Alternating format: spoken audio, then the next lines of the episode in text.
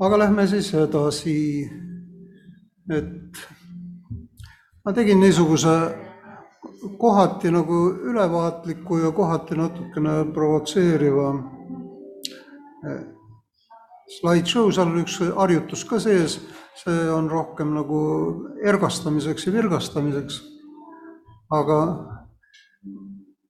aga tahan nagu sellega öelda kõigepealt seda, et kuna me töötame mingisuguses keskkonnas alati mingis kontekstis, et siis ole, peame me alati olema nagu õiges kohas ja õige koht on kirikul keset küla.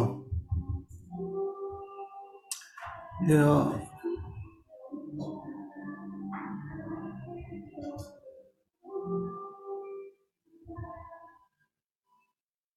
võtsin omal ka selle asja üles.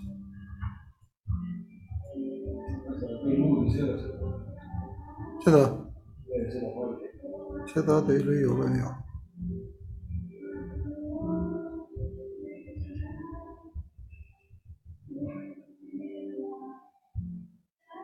tea, kus ta mul siin.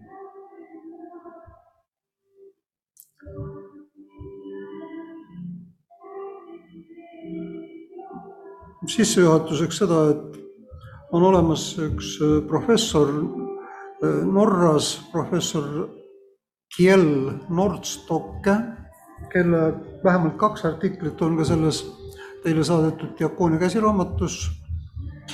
ja, ja tema räägib, et õpetades või õppides diakooniat peab püsima korraga kolmel rajal.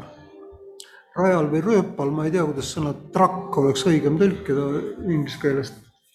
ja üks nendest on siis kontekstuaalne, teine on eklesioloogiline eklesioloogia on teadus kirikust või ja praktilisel tasandil.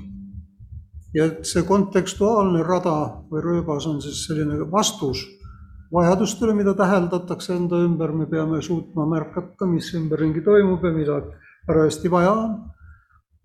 siis eklesioloogiline rada on see, mis võtab tõsiselt diakooniat kui kristlikku traditsiooni ja kristlike kogukondade tunnusjoont, ilma milleta jälle nii mina kui Nordstocke väidame, kaugenetakse oma olemusest. ja siis see praktikarada on see, mida ja kuidas me seda diakooniat tegelikult teeme. ja neid kolme asja ei ole kerge ühendada, aga see on vajalik, eriti neil, kes üritavad ka teadust teha või siis äh, kaitsta mingit diplomi või magistritööd vajalik on tuua sotsiaalteaduste teoloogia teadmised kokku ja samal ajal pidada praktikutega dialoogi. see on omamoodi selline, ma, ma, ma ei tea, kui palju sellest on teil varem siin räägitud, ma loodan, et on, aga just nimelt, et ei, et me ei jääks kinni ainuüksi kirjatähte, vaid et me nagu suudaksime reflekteerida seda, mida me kogeme ja ja ühtlasti suhestuda ja nii avastada uusi teadmisi. ja siin on nagu mõned sellised põhimõtted, nagu esiteks tuleb mõista, et diakoonia, aga samuti ka missioon või missioon realiseerub või lahendub alati mingis kindlas kontekstis, mingis konkreetses keskkonnas. ja ma säästan teid sellest, et hakata lahti rääkima nende erinevate keskkondade eripärasid, aga see on väga huvitav teema ja jälle ma hea meelega sellele pühendaks teinekord mingisuguse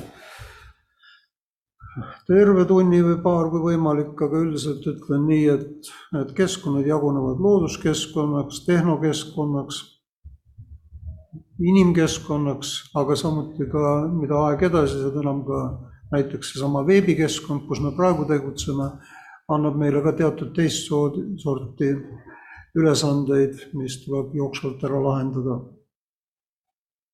ja selle tõttu me peame alati enda käest küsima, aga ilmselt ka taevaisa käest, et kuhu meid on siis saadetud ja kelle juurde ja miks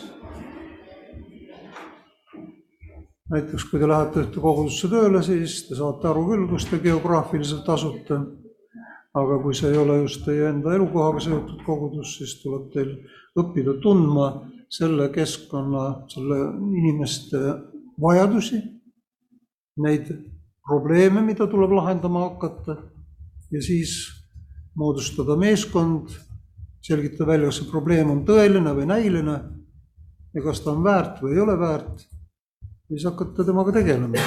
et näitena ma võin tuua selle, et kui ma lõpetasin Tallinna Peetri koguduses ja läksin Harkujärve kogudusse, siis oli see keskkond mulle võõras ja inimesed võõrad. ja ainuke võimalus teada saada, mis seal vaja on, oli küsida. ja kõlab väga naiivselt ja isegi nagu mitte midagi ütlevalt, aga sageli ei küsita. et mida tegelikult inimestel vaja on, mida te soovite arvatakse, et teatakse ise paremini. ja siis tehaksegi seda oma asja. aga see võib-olla ei tööta selles keskkonnas ja nende inimestega. alati on õppejõul võimalik äh, kasutada sedasama loengut, mille ta kakskümmend aastat tagasi ette valmistas ja saab ju ka hakkama, aga keskkond on muutunud ja inimesed on teised, nende teadmised on teised, nende ootused on teistsugused mina püüdsin alguses aru saada, mida te ootate ja rääkisin ka Markiga ja püüdsin aru saada. ma ei tea, kui hästi mul see õnnestus, aga sellest kõigest ma nagu lähtun. ja Harkujärvele jõudes ma tegin küsitluse. selline Harju, Harjumaal olev Harku vald, kuusteist tuhat elanikku on praegu, siis kui ma läksin, oli vist alla üheteistkümne. minu Harkujärve külas on umbes tuhat kakssada inimest, noh, tegin külas küsitluse. tahtsin teha külas küsitlust, mida te reaalselt vajate. millised on teie vajadused, näete, meil oleme nüüd ostnud Harku-Järvel kirikuhoone, kuus tuhat kuupmeetrit õhku ja kakssada ruutmeetrit pastoraat, mis on ehitatud õpetajakorteriks, suur saal, seitsesada ruutu majaalust pinda soklikorrus, et see on see, mis meil on, tahate midagi teha. no vestlesime inimestega, rääkisime, siis läksime järgmisele ringile, koostasime küsimustikku. me saime aru, et puudu on tegevustest, inimestel ei ole midagi teha. Harku ei suuda konkureerida Tallinnaga, Tallinn on, neelab alla nad. ja siis me küsisime, mis need tegevused on ja saatsime läbi kooli kõigile lastevanematele selle küsimuse me saime aru, et on huvitegevusi vaja, võib-olla oleks huvitav raamatuid saada, eks raamatukogu ei ole külas, aga kõige põletavam vajadus oli null kuni kolmeaastaste laste hoid. ei ole kuhugi lapsi jätta, kui minnakse kas tööle või õppima. ja siis oli meil nagu ülesanne käes. väga selge, küsi. Jeesus küsis ka, mida sa tahad ja ma sulle teen. noh, nemad ütlesid armas Jeesus, tee meile lasteaed. siis Jeesus saatis oma diaakonid tööle ja tegimegi lasteaia, õigemini lastehoiu. ehk siis see oli reaalne probleem, see ei olnud näiline probleem ja seda oli võimalik lahendada, sest meil olid ruumid selleks olemas ja meil oli natukene mõistust ka. me tegime ühe projekti, projekti käigus töötasime välja kirikliku lapsehoiu mudeli nüüd on sama mudeliga asutatud hiljem lapsehoid Jaani kirikust, mitte Tallinnas, Viljandis ja Püha Vaimu kirikus Tallinnas ja rohkem ma ei tea, ilmselt on see levinud veel ja seda saab alati kasutada, kes soovib.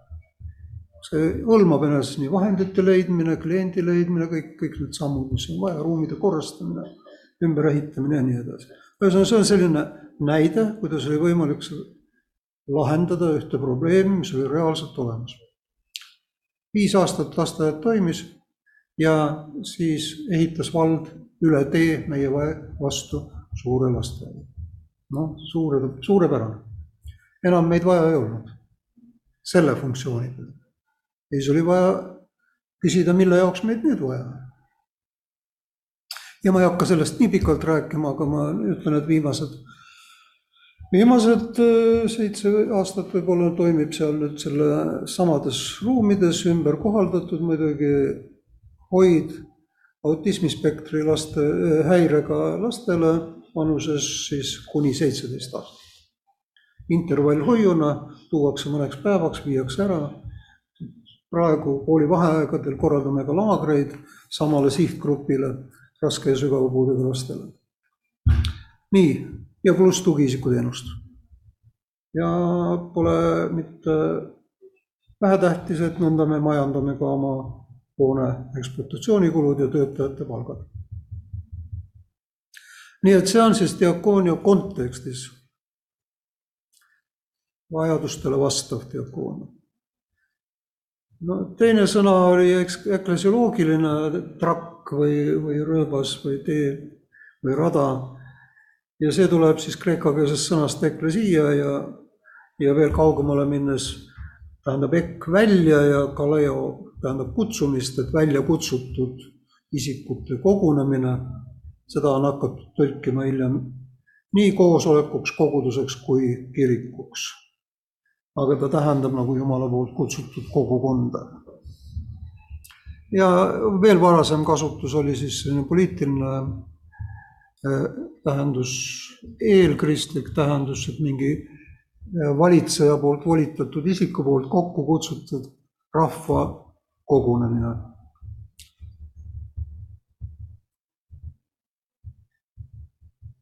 ja sellel on ka omas vanas, vanas testamendis teatud juured olemas, siis oli, kasutati selleks sõna kahal.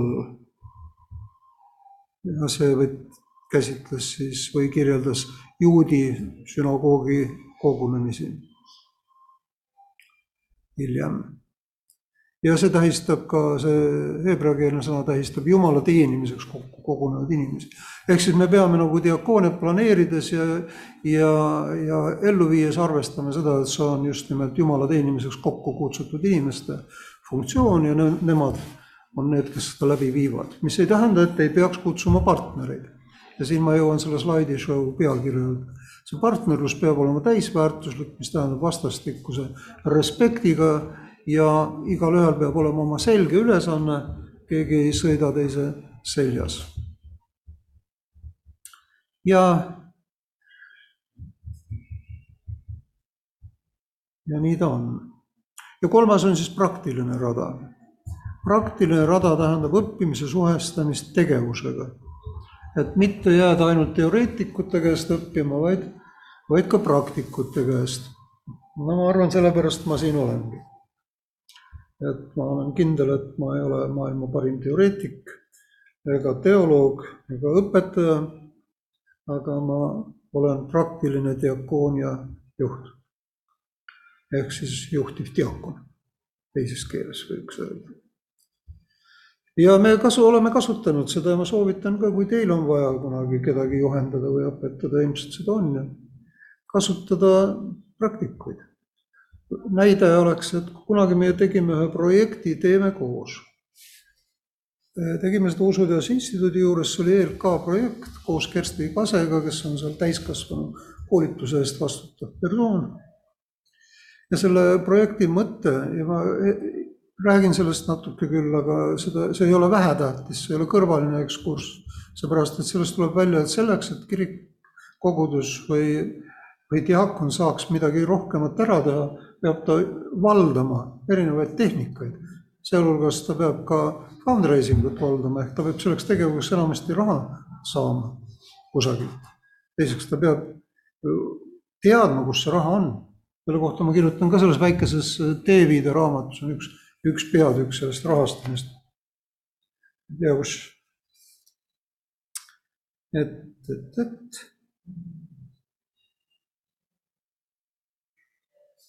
et raha ja selle puudumine seavad piiranguid. aga piirangud on ju vajalikud, piirangud on liiklemises ja loodusseadustes ka. aga see teeb kõige tähtsamaks planeerimise. ja sellest planeerimisest veel tähtsam on see, et sa ise oled ressurss ja seda ei tohi ära raisata. eriti mitte teise asja, teisejärguliste asjade peale, aga keegi peab need teisejärgulised asjad ka ära tegema. ja siin tuleb nüüd juhtimise baastarkus, et hea juht on ju see, kes delegeerib. ja kui ma olen kogudustes koolitamas käinud, siis ma kuulen, et noh, me teeks igasuguseid asju, aga raha ei ole. ja kui ma siis küsin, et kas raha on teil eesmärk, siis öeldakse, et loomulikult mitte. Et raha on vahend. no neil on õigus. aga vale tegutsemismudel. vastus on õige, aga kõik muu on vale. sest et kui sul on vaja majutada sõjapõgenikku või kui sul on vaja kodutule osta hoolekandeasutuses voodikoht ja sul on kellelegi vaja leiba osta sul on ju raha vaja. või näiteks, kui on vaja, kui oli vaja algatada see projekt lapsehoiuks. nojah, projektiga saab raha tuua, aga omaosalus peab sul olema. kust sa selle võtad? niisiis, et küsimus on selles, et kui väga sa tahad seda ära teha mis sulle tundub selles konkreetses kontekstis vajalik ja sinu eklesioloogiliselt, sinu kogudusele omane või sinu kirikule või sinu või Kristusele. ja kui sa tead, kui väga seda tahad, siis pead sa vaatama, kuidas see tahe sobitub suuremasse plaani. ja kuidas see plaan ehk siis see, mida inimesed ootavad, seondub taevaisa plaaniga ja kui seondub, siis ei ole kahtlust, et vajalikud vahendid on leitavad. Ja muidugi ei tähenda see seda, et nad tuuakse kandikul kätte, vaid nad tuleb tööga välja teenida. ja siis jääb üle mitte saja dollari küsimus, aga tõe küsimus. et kas sa tõesti tahad seda saavutada, mida sa oled deklareerinud ja see, mida sa usutunnistust korrates ütled, kas sa tõesti tahad seda teha, kas sa tõesti tahad suure ülemdiakoni järel käia ja teha, mida tema teeb, teha, tehke haigeid terveks ja korjake vigased kokku oma laua äärde. kui sa seda tahad tõepoolest saavutada, siis ütle, mida sa selle jaoks teed ja seda nimetatakse projektiplaaniks või tegevuskavaks. pane kirja, mida sa teed, siis on raskem sellest taganeda mõtle, mitu tundi sa oled valmis tegema tööd selleks, et kodutu Pjotr saaks endale voodikoha. Nii lihtne see ongi. ja siis tuleb seda lihtsalt teha, kui sa oled selle ära otsustanud. sest kui sa näiteks tahad minna Sri Lankale nädala lõpuks, aga kardad lennukiga lendamist, siis ole kindel, et sa sinna ei jõua. aga lendama tuleb õppida. ja kui sa hirmust ei vabane, siis jääd üksi et diakon ei saa karta. Laurentsusele viidates mõtleme sellele. Aga selleks, et mitte jääda üksi, selleks tuleb nakatada oma plaaniga jälle õigeid inimesi. ja mitte ilmtingimata kõiki inimesi, vaid just õigeid inimesi, neid, keda sa selle eesmärgi nimel vajad. ja enne kui sa lähed kuhugi kõnet pidama, mõtle läbi milliseid ressursse vaja on, nii inim- kui rahalisi. muidu sa võid oma kõne pidada valele auditooriumile ja sa saad oma meeskonda näiteks kolm suurepärast pagarit, aga sul on vaja ühte raamatupidajat. et võib-olla oleks pidanud mingit teistmoodi lähenema, teistmoodi otsima, peade otsimist korraldama või küttimist ja siis olen ma siin kirjutanud sellest, et kui sul raha vaja on, siis mine sinna, kus raha on. enamasti on see pangas. Ja sa ütled mulle, et pank ei anna laenu. siis ja ei anna laenu sellepärast, et sul ei ole tagatist. no aga räägi oma koguduse liikmetega. kui neil raha ei ole, siis äkki nad teavad kedagi, kellel on raha või kellel on see tagatise pakkumise võimalus kui me Harku Järve kirikut ostma hakkasime, pidime ka pangalaenu võtma. aga kirikut tagatiseks ei aktsepteeritud. siis me panime kolm korteri, ei kaks korterit, ühe korteri, ühe maja pandi. minu korter ja minu sõbra maja. ja me ostsime kiriku ära. ja kolmas mees andis selle raha, mis puudu oli. et siin oli kõik, nii pangaotsing kui sõbr, sõprade või inimeste otsing puuduva vaheotsing. ja see oli väga, väga kergelt läks. välja arvatud see viis aastat, mis me seda tagasi maksime. läks natuke keerulisemalt, aga ta oli täiesti talutav. ja näiteks, kui sa projekti plaanis mõtled sellele, palju raha vaja on omaosaluseks, siis ära ehmata ära, kui see on mingi kümme tuhat on vaja ja sa peaks, sa ei pea seda kohe välja käima. sa saad seda kasutada kumulatiivselt, eks sa jagad selle kümne kuu peale ära ja iga kuu on sinu omaosalusest tuhat, mida sa kasutad. või mingi teine number. nii et igal kuul võib olla suhteliselt vähe raha vaja selleks, et avada kas siis see intervall hoidlastele või või mõni teine asi ja hiljem seda teenuse osutamise tasudest üleval pidada. ja sellest ülalpidamisest peaks ka võla maksmiseks jätkuma. aga kui sa ei taha lapsehoidu pidada, siis mõtle sellele, et võib-olla oleks mõistlik leida raha ja osta mahlapress ja hakata tegema mahla ja, ja leida üks kunstnik, kes oskab kujundada sinu koguduse logoga näiteks mahlapurgile sildi, kauni kuvandi. sest rahvas ostab sagedasti mitte sisu, vaid kuvandit. Ja ka siis, kui ta sisu ostab, peab ta teadma, mida ta tegelikult lisaväärtusena saab ja seda sa pead oskama talle siis selgitada. nii et kui me tegime Kerstiniga seda Teeme koos projekti näiteks, siis me kaasasime professionaalsetele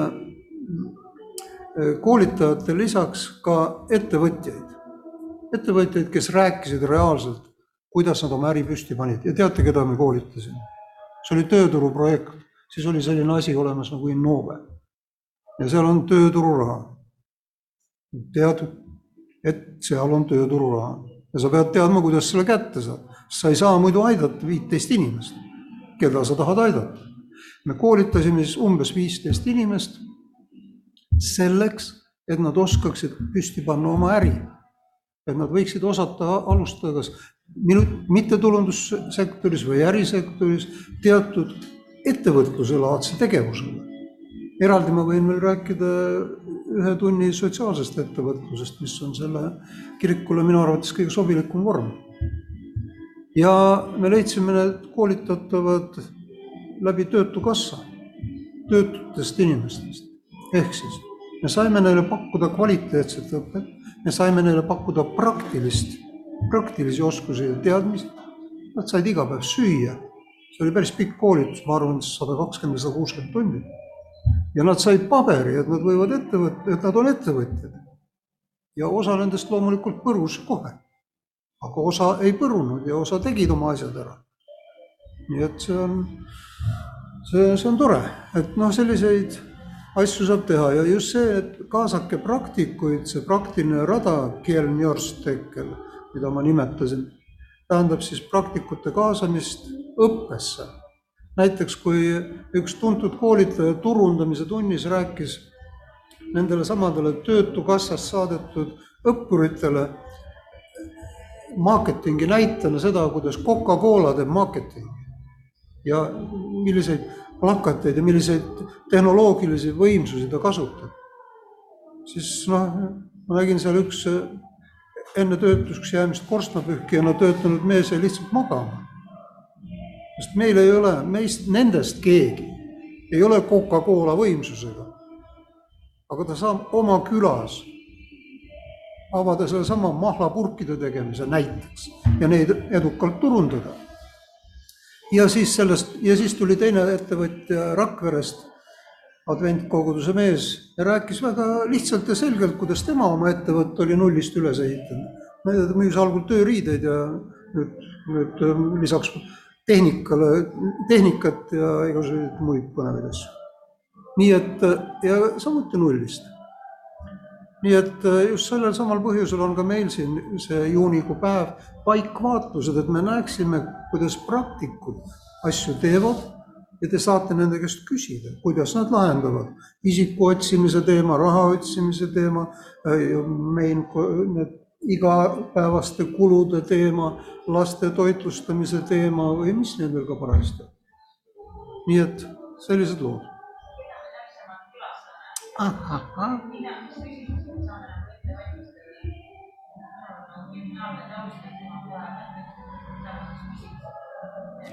mis mõttes kriminaalne taust?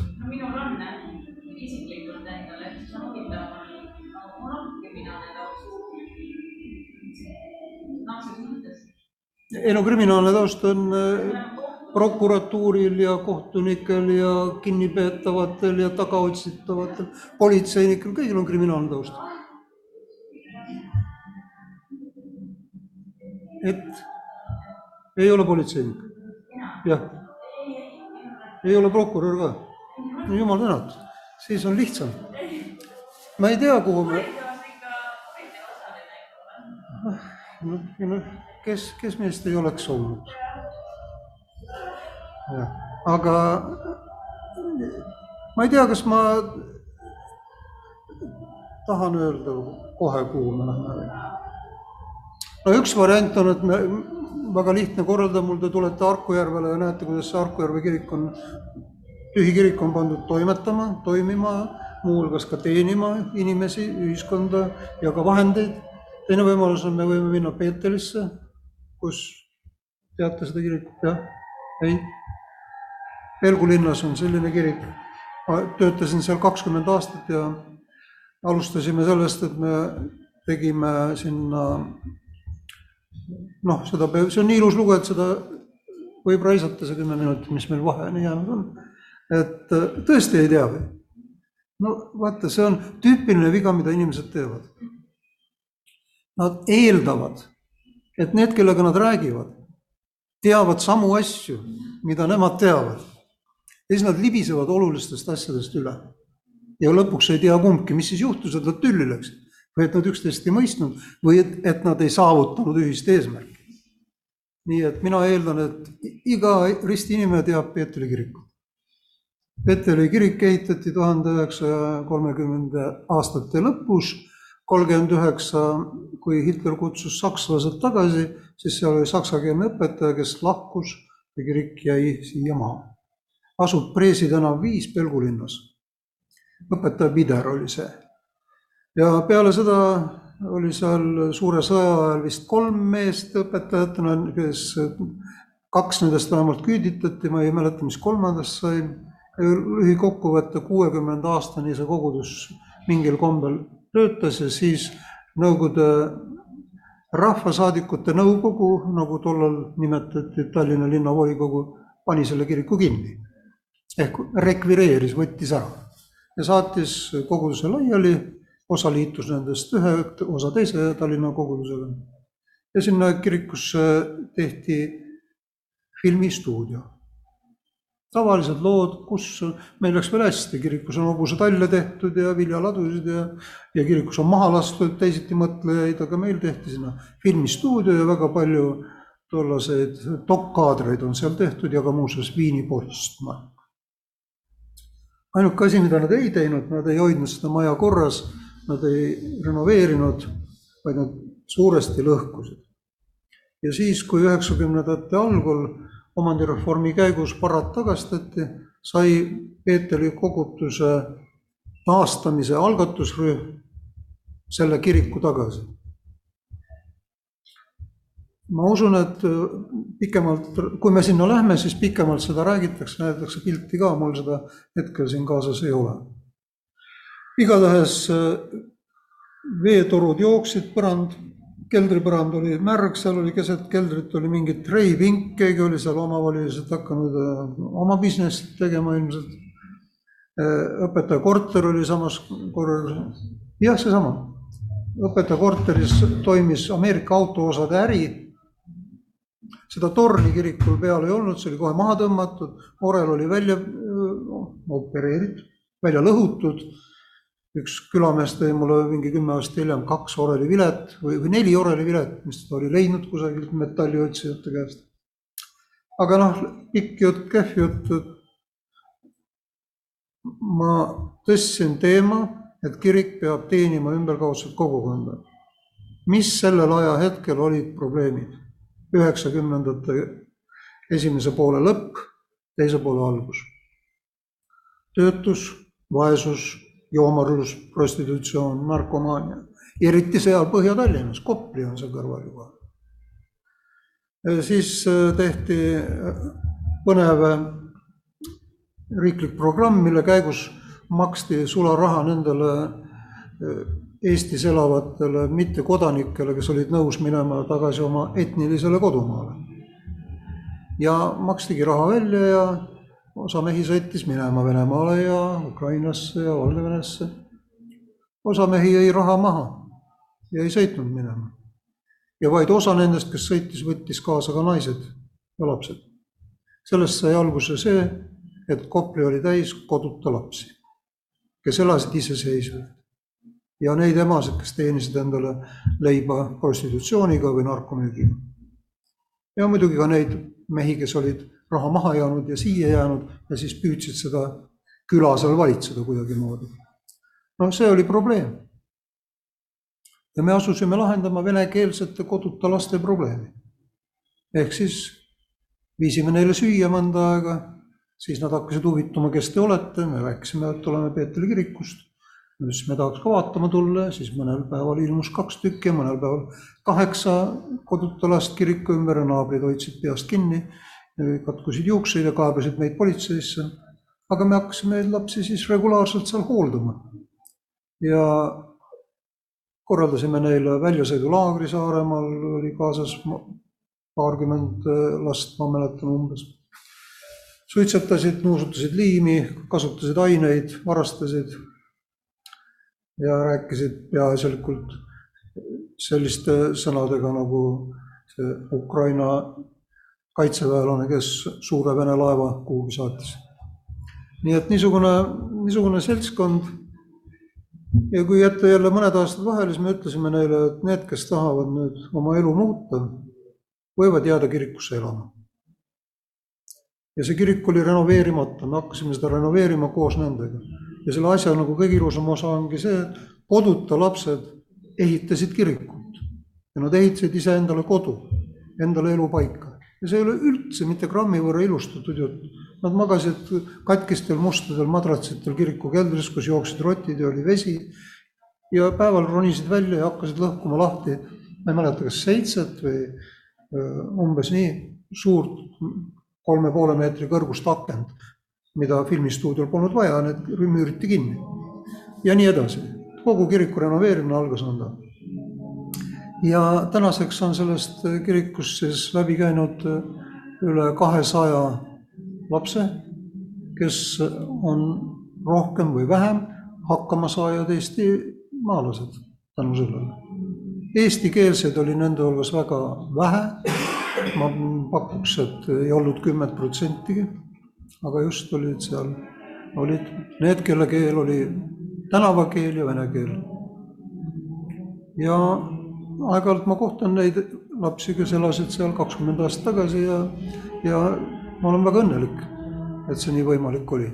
nii et see on noh, üks selline väike projekt, mis näitab seda, et tehes õigeid asju õigel ajal õigete inimestega, sa-, leitakse vahendid, mida ei ole, seal koguduses oli vist äh, taastamisel nelikümmend kaks inimest. Need võtsid vastutuse, et nad võtavad selle lagunenud hoone enda peale loomulikult nad ei olnud võimelised seda finantseerima. aga siis ongi see, et võtad raamatu kätte, vaatad, kus raha on. see toimib siiamaani, jah.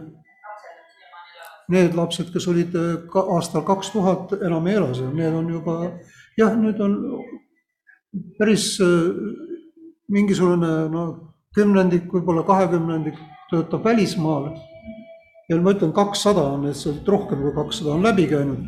korraga elas kõige rohkem kolmkümmend kaks last kirikus, aga see oli ülearu, kuusteist on normaalne. ma arvan, täna on vist kaksteist. nii et noh, siis on rohkem ruumi tähelepanu kasvatajatelt, ka muuseas sellest kirikust on päris mitmed kasvatajad metodisti kirikust, Tallinna kogudusest. ja seal ka muuseas lisaks luterliku koguduse teenistustele on ka eh, Stas Ossipovi kogudus, metodisti kogudus. me peame lihtsalt eri aegadel teenistusi. ja siin on jälle see, see on ju hoolekanne, see on diakoonia, see on sotsiaaltöö ja see on oikumeenia. kui me hakkaksime nendega si-, noh näiteks õpetuslike küsimustega vaidlema, no selleks peab ikka püsti loll olema. aga me saame teenimises rääkida ühte keelt. see on super. nii et, aamen, aitäh et jah, selline lugu siis sellest Peetri kirikust. et see, need kaks kohta on, millesse on kõige lihtsam minna, sest ma olen nad ise nagu osalenud nende tegemises. aga loomulikult on ka teisi, noh, siin nagu keegi on Lootuse külas olnud, keegi teist. eelmisel päeval, eelmisel loengul öeldi, et võib-olla on ka Lootuse küla see võimalus, kui teil on tuttav ja te võite Lootuse küla peale ka kirjutada. aga te ei saa küsida õigeid küsimusi ka. mõistlik. ja teie metodisti kiriku tuletorn oli jälle üks asi, mida, mida ei olnud olemas ja mis tehti, eks. või näiteks Artur Põllu laager A-rannas, mis võtab suvel vastu sadu inimesi. vana mahajäetud pioneerilaager, mille see mees oma meeskonnaga on üles ehitanud, noh, müts maha tema ees et selliseid asju on ja ma väidan, et kirik peabki neid asju tegema, sest need asjad, asi iseenesest ei ole midagi aga need asjad on tööriistad. see on väga kehv töömees, kes, kellel on ainult üks haamer ja kõver nael ja ta läheb parandama maailma. ta peab ikkagi oma tööriistakoti täis panema teadmisi, oskusi ja erinevaid meetodeid. ja noh, näiteks seesama Artur on seda väga hästi osanud ja meil on see ka välja tulnud. ja see algus nüüd vastab siis tuleb ikka välgu Mihklit lüüa. nii, ma ei saanudki näidata teile slideshow'd, läksin lobisema. Aarelukk on siis praegu. jah, ta on meie kogudusest pärit Saaremaalt. jah, sealt Saaremaalt tuli päris mitu meest, enam-vähem ühel ajal tulid siia. Igor Miller, Aare Luup ja keegi oli veel. kas Alo Martinson ka või? jah, no vot seesama, jah, ja kõik on nad minu kogudusega olnud seotud. Ja kõigile on noh, pakutud vundamenti tegutsemiseks ja kes rohkem, kes vähem on seda teinud. Ja noh, Igor Milleriga käivitasime koos seda vanglate teenimist.